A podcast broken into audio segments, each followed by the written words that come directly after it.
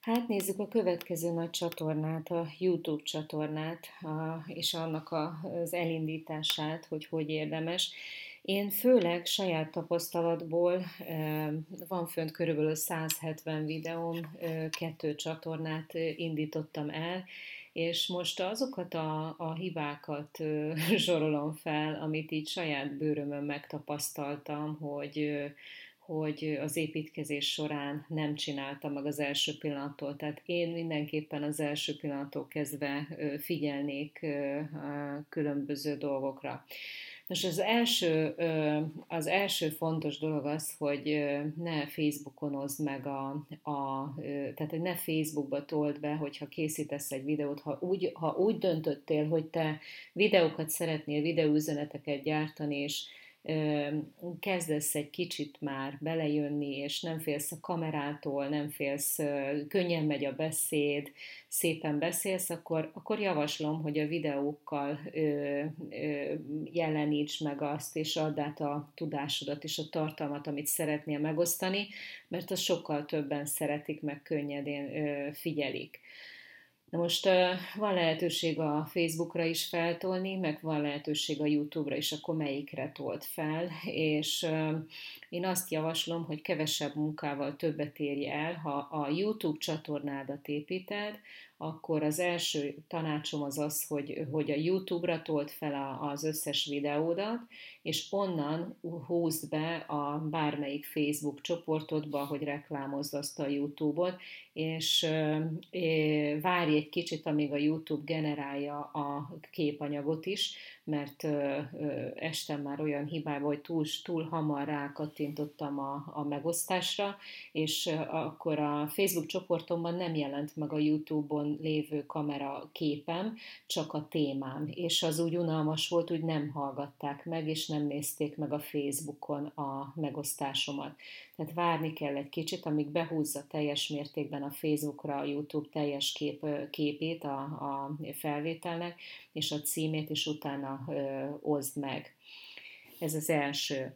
A, a következő, ami, amit az első pillanattól tedd meg, hogy ösztönözd a, a megjelenéseidbe, a videó megjelenéseidbe az embereket arra, hogy lájkolják azt, amit ö, csinálsz, mert a YouTube csak az alapján tud téged ö, valamilyen ö, rangra tenni, az influencerei és az, a youtuberei között, hogyha neked van sok visszajelzésed, lájkod, vagy kommented, vagy pedig feliratkozód a csatornára. Ezek alapján te későbbiek folyamán, hogyha sok ember tudsz magad köré a tartalmaddal gyűjteni, akkor utána ez pénzügyi bevételi lehetőséget is jelent neked, hiszen akkor a YouTube partnere lehetsz, és sok mindenben fogsz tudni profitálni belőle. A Következő tanácsom az az, hogy légy minél természetesebb, és ne próbálj semmiféle feszes módon megfelelni semmiféle elvárásnak. A youtuberség az, na most ezt jó magyar szóval mondtam, de nem, nem tudom másképp mondani, ahhoz, hogy youtuber legyél, ahhoz nem, tehát ez nem egy állásinterjú, ez nem egy report készítés, ahol, ahol ugye országvilág látja a dolgokat, hanem itt az a lényeg, hogy minél természetesebben, önazonosabb módon tudj megnyilvánulni a külvilág felé, és adni azt, aki igazából, vagyis amit igazából tudsz. Tehát ne próbálj előadni magad, mint ahogy nagy sztárok, és ne fényezd magad, hanem légy minél alázatosabb, légy minél természetesebb, és, az, és a piac el fogja tudni dönteni, hogy mit tudsz, ne aggódjál. Tehát neked azért nem kell nyomnod e, előre magad, hogy a piacon jobb, e, meg, meg első benyomást tudjál szerezni. A következő tanácsom az az, hogy hogy akkor állj bele ebbe a YouTube rendszeres megosztásokba, hogyha, hogyha tudod azt, hogy ezen a platformon rendszeresen fogsz tudni témát gyártani. Annak nincs értelme, hogy egyet-kettőt felraksz oda, az csak egy tárhely tulajdonképpen, de hogyha hozzá akarod szoktatni az embereket arra, hogy kövessenek téged, és hallgassanak rendszeresen, és így akarod a közösségedet építeni, a követő táborodat növelni, akkor a, a, arra készülj fel, hogy milyen értékes tartalmakat fogsz tudni gyártani az elő, elkövetkezendő három hónapba, amihez nyilvánvalóan meg kell, hogy legyen az a terved, amit, amit, amiről beszélek is, hogy mennyire fontos valamelyik másik hanganyagokban, hogy hogyan kell majd tartalmat gyártani és az a, az a lényeg, hogy te előre láss legalább 8-10 lépéssel, hogy, hogy ebben a hónapban, ebben a negyed évben mire fogsz fókuszolni. Nyilván van egy témád, nyilván van egy nagy piacod, amin dolgozol, ahol meg van határozva már a célcsoportod, és pontosan tudod, hogy azt a célcsoportot mi lenne az, amivel el tudod látni tartalommal is érték számára ez alapján mindenképpen legyen benne ö, ö, az a tartalom, és hogy föl tud építeni hónapokkal előre azt, hogy mi az, amit szeretnél megosztani. Nézzél körül. A harmadik tanácsom az az, hogy mindenképpen nézzél körül, hogy ki hogyan csinálja, és nézd meg, hogy mik azok a módszerek, ahogyan megnyilvánulnak, ami neked bejön, ami neked szimpatikus és működőképes, és akinek sok követő tábora van, és akkor szépen lassan belejössz majd, hogyha sokat használod a YouTube-ot, és a felvételkészítésbe belejössz, akkor neked is már egyre könnyebben fog menni.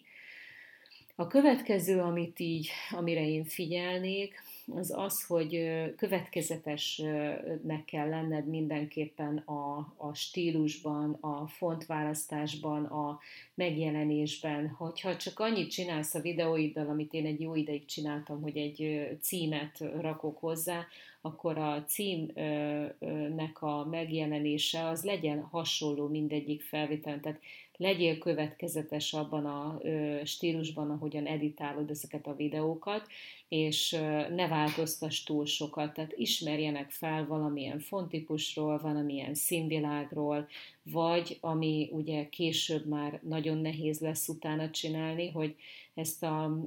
YouTube első pillanatképet, ezt a thumbnailnek nevezendő pillanatképet az első pillanattól kezdve legyártod. Nagyon egyszerű a legyártási technikája, mert ezt meg lehet csinálni a kanvában, amiről majd később fogok beszélni. Saját magadnak le tudod gyártani, hogy minden YouTube felvétel előtt legyen egy, egy pillanatkép, ami állókép és, és, és a címmel ellátva, és akkor már nem egy hagyományos képkocka lesz a, a felvételedből, hanem egy megkreált, megszerkesztett, arcolati elemekkel ellátott valami, ami következetesen visszajön az összes ilyen YouTube felvételedbe, és ez elég profin hat a csatorna látványvilágára, és rád is, meg az arcolat miatt emeli a színvonalat. A következő, amire én nagyon figyelnék, hogy, hogy legyen benne a YouTube csatornádnak a, a fejlécébe